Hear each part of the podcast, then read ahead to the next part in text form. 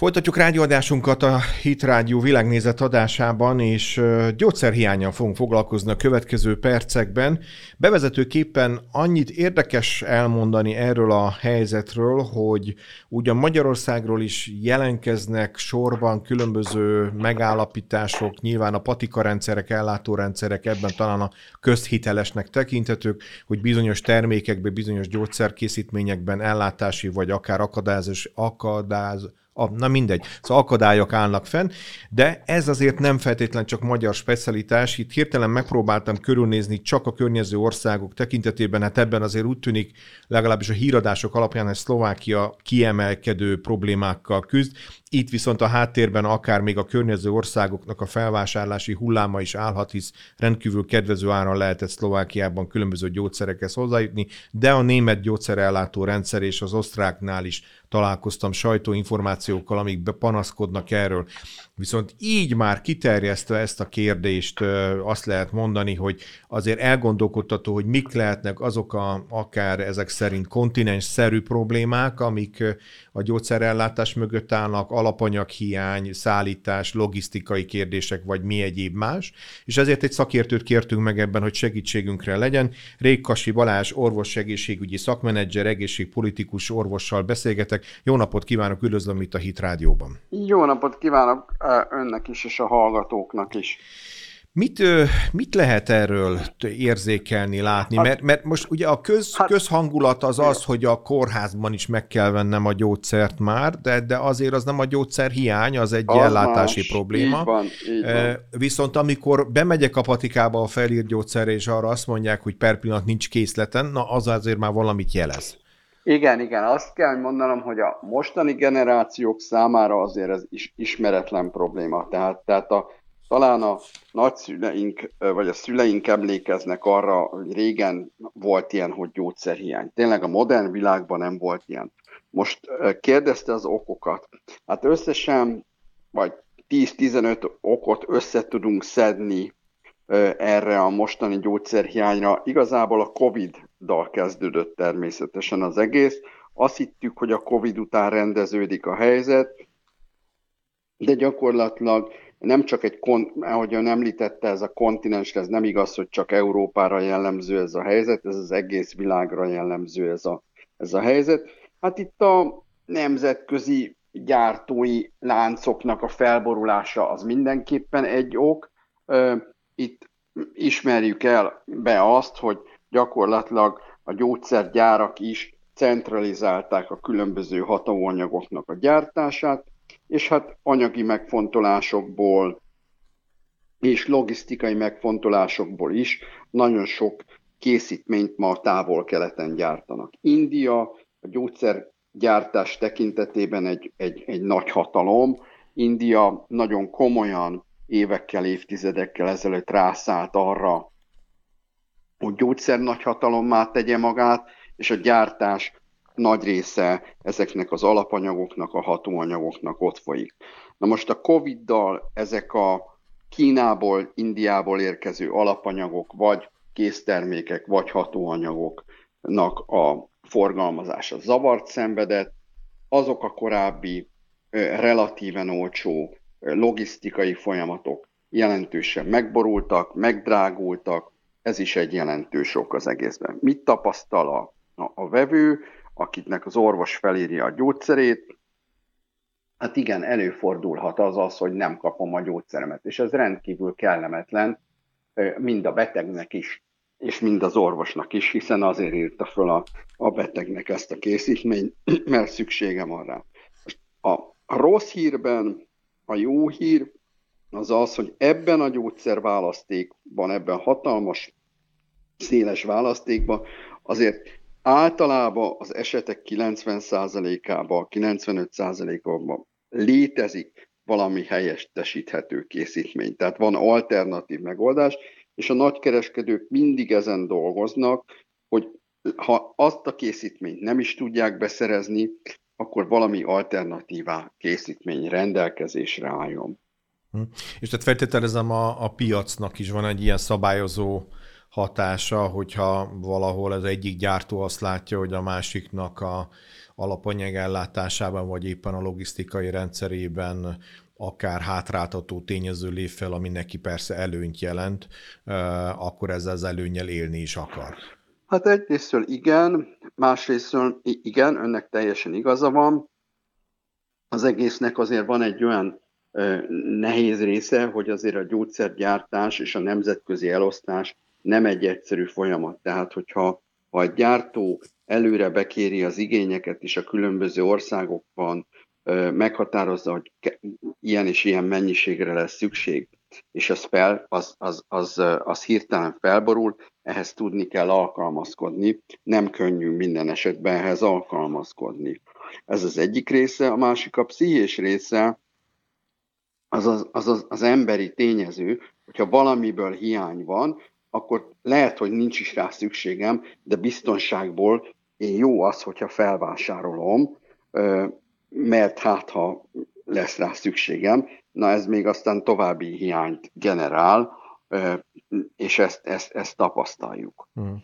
A harmadik szempont, ami, ami esetleg egyes készítményeknél szintén jelentkezik, az a, az a, hát az eltérő igények. Na most a Covid-nál avval, hogy, hogy maszkban jártunk és tartottuk a távolságot, jelentősen lecsökkent a légúti megbetegedések száma. Nem csak a, a COVID volt hatással, hanem a, egyébként alapvetőleg a légúti megbetegedések száma is lecsökkent.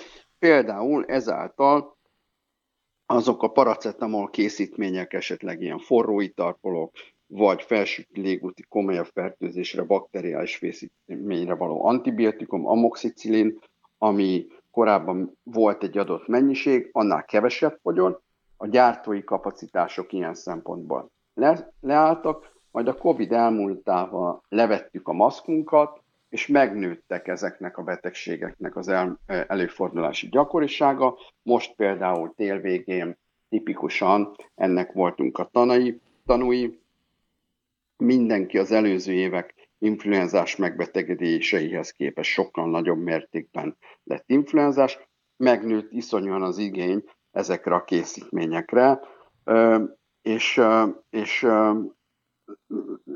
nehéz volt a gyártóknak becsülni a forgalmat, ebben például egy hiány keletkezett, ami gyakorlatilag egy gyártás ütemezési probléma volt, és, és, és el, elfogytak ezek a, a készítmények. Vagy hogy egy másik példát mondjak, szintén a média is beszámolt róla, hogy gyártók kijöttek egy olyan cukorbetegeknek való készítménnyel, amely mellesleg tudja befolyásolni az ételfogyaszt, az étel felvételt, tehát az ember kevésbé éhes tőle, ezáltal nagyon előnyös fogyásra. És nem csak a cukorbetegek, akiknek az orvosuk felírta ezt a készítményt a vércukor rendezésére használták ezt a készítményt, hanem, hanem azok az emberek is, akik, akik csak nem, nem cukorbetegek, de csak fogyni kívánnak, ők is kvázi divatból felkapták ezt a készítményt. Ezt a példát azért jó, hogy behozza, mert egyébként már a helyettesítés témájánál szívesen rákérdeztem volna, de azt gondolom, hogy a, az elmúlt hetek botránya, amikor szexuális ellenszolgáltatásért cserébe hát az... kerültek felírásra ezek a készítmények, azért egy erősen a, a bizalomfaktort ö, ö, me, me, lehet mondani, megkérdőjelezték. Tehát ö, ö, akkor, amikor, és akkor kicsit próbáljuk meg ezt a Igen. témát félretenni, vagy leszelidíteni legalábbis arra a szintre, hogyha én nekem van egy megszokott gyógyszerem, akár vérnyomás Igen. csökkentés, ha csak egy példát mondjak erre, és az Igen. most éppen nincs, és a házi orvosom vagy a szakorvosom azt javasolja, hogy közel azonos vagy azonos hatóanyaggal javaslom ezt és ez. Ez Igen. a fajta bizalom hiány ilyenkor, amikor fellép, hogy hú, hát én, én ragaszkodom ahhoz, amit eddig, mert az jó volt, meg az, ezt hogy lehet orvos szakmailag ön szerint kezelni? Egyáltalán lehet-e ezt kezelni? Hát, hát orvos Ként én azt látom, hogy nagyon fontos a beteg és az orvos közötti bizalom. Tehát ez, egy, ez, ez önnek tökéletesen igaza van ebben, ez, szerintem ez egy alapvető kérdés. Tehát, tehát az orvos az nem azért javasolja azt a gyógyszert, mert neki abból bármilyen előnye származik, vagy neki az jó, hanem azért, mert szakmailag a legjobb tudása szerint a betegnek az való. Na most igen, ha, ha hiány van, akkor bízzunk meg ilyen szempontból, menjünk vissza az orvosunkhoz, vagy hallgassunk a, a gyógyszerészünkre. A gyógyszerészünk is azért tanult szakember, hogy ő tudja legjobban, hogy mi mivel helyettesíthető, és mi mivel váltható ki. Ahogy előbb mondtam, ma már azért a készítmények nagy része az helyettesíthető. Beszéltem a nagykereskedők szövetségének a vezetőjével, ő, a, ő is azt mondta, hogy ön a bevezetőben is említette, Magyarországon is előfordul hiány, de Magyarországon a hiány azért nem a, annyira súlyos, mint vannak olyan országok, ahol ez komolyabb problémát jelent, és, és nagyon sokat tesznek a nagykereskedők is, és a gyógyszerészek is azért, hogy helyettesíthetőek legyenek ezek a termékek. Előfordulhat az sajnos, hogy nem. Ahogy előbb mondtam, ennek számos oka van, sajnos gyártói, logisztikai, hatóanyag, alapanyag gyártás, ez ismeretlen probléma volt idáig. Valószínű. Igen, azt, azt egyébként még erre kérdeztem volna vissza záró Igen. kérdésnek is fogadja el tőlem, hogy hogy Na. talán már közhelyként szoktuk mondani, hogy, hogy a COVID önmagában mint, mint fertőző jelenség az Igen. új, viszont maga a COVID-nak a kísérő jelenségei azok már általában meglévő problémákat felnagyítottak, vagy felgyorsítottak. Most a gyógyszerellátásban ön utalt ugyanerre a kitettségre, hogy India és Kína Igen. tulajdonképpen egy ilyen gyógyszergyártói központrá, epicentrummá kívánták fejleszteni magukat. E, ebből tanult-e a gyógyszeripar, tehát diversifikálja a gyógyszergyártás önmagát, megpróbálják-e mondjuk ezt akár lokálisan, ezeket az elosztórendszereket, gyártórendszereket kialakítani? Például Magyarországon van-e arra példa, hogy, hogy, hogy erősödik a gyógyszergyártás bázisa? Hát, hát az, az egyik az egyik példa így van, ahogy ön is sejtette a kérdésébe, az az, hogy a gyógyszergyárak ezt az iszonyú centralizációt és a távol-keletre való kihelyezést, ezt mindenképpen megtanulták, hogy nem biztos, hogy jobb az, hogyha egy forinttal olcsóbb, viszont bizonytalan, hogy a gyártása, viszont bizonytalan a beszerzése.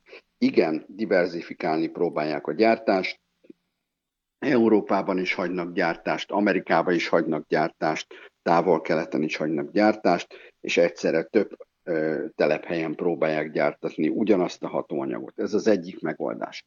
A másik megoldás az az, hogy az uniós szintű szabályozásnak a, a létrehozása. Ebben is elindult egy kezdeményezés, egy reformjavaslat, amely egy új keretrendszert tervez bevezetni a gyógyszerhiány előrejelzésére, közül annak ellenére, hogy ez egy nemzeti hatáskörbe tartozik a, a gyógyszeradatbázis, de a WHO is meghatározott egy alapgyógyszerkészletet, és, és az Unió is azon van, hogy legyen egy előrejelző rendszer, egy, egy olyan adatbázis, amely a különböző országokban a készleteket vezeti, egymás között intenzívebb cserére lehessen lehetőség, egymás kicsakítésére. Tehát igen, elindult egy ilyen folyamat. Azt mondom, hogy, hogy ez a, így van, ahogy ön is mondja, COVID ez egy jó probléma felhívó volt, és, és igazából ezt meg kell oldani, de ez még várat magára. Rékasi Balázs, orvos, egészségügyi szakmenedzser, egészségpolitikussal beszélgettünk a gyógyszerellátás anomáliáiról, és talán annak kapcsán egy kicsit a orvos szakma együttműködés, beteg és orvos szakma kapcsolatáról is. Nagyon szépen köszönöm, hogy rendelkezésünkre áll, további jó munkát és sok sikert kívánunk önnek. Köszönöm szépen, viszont.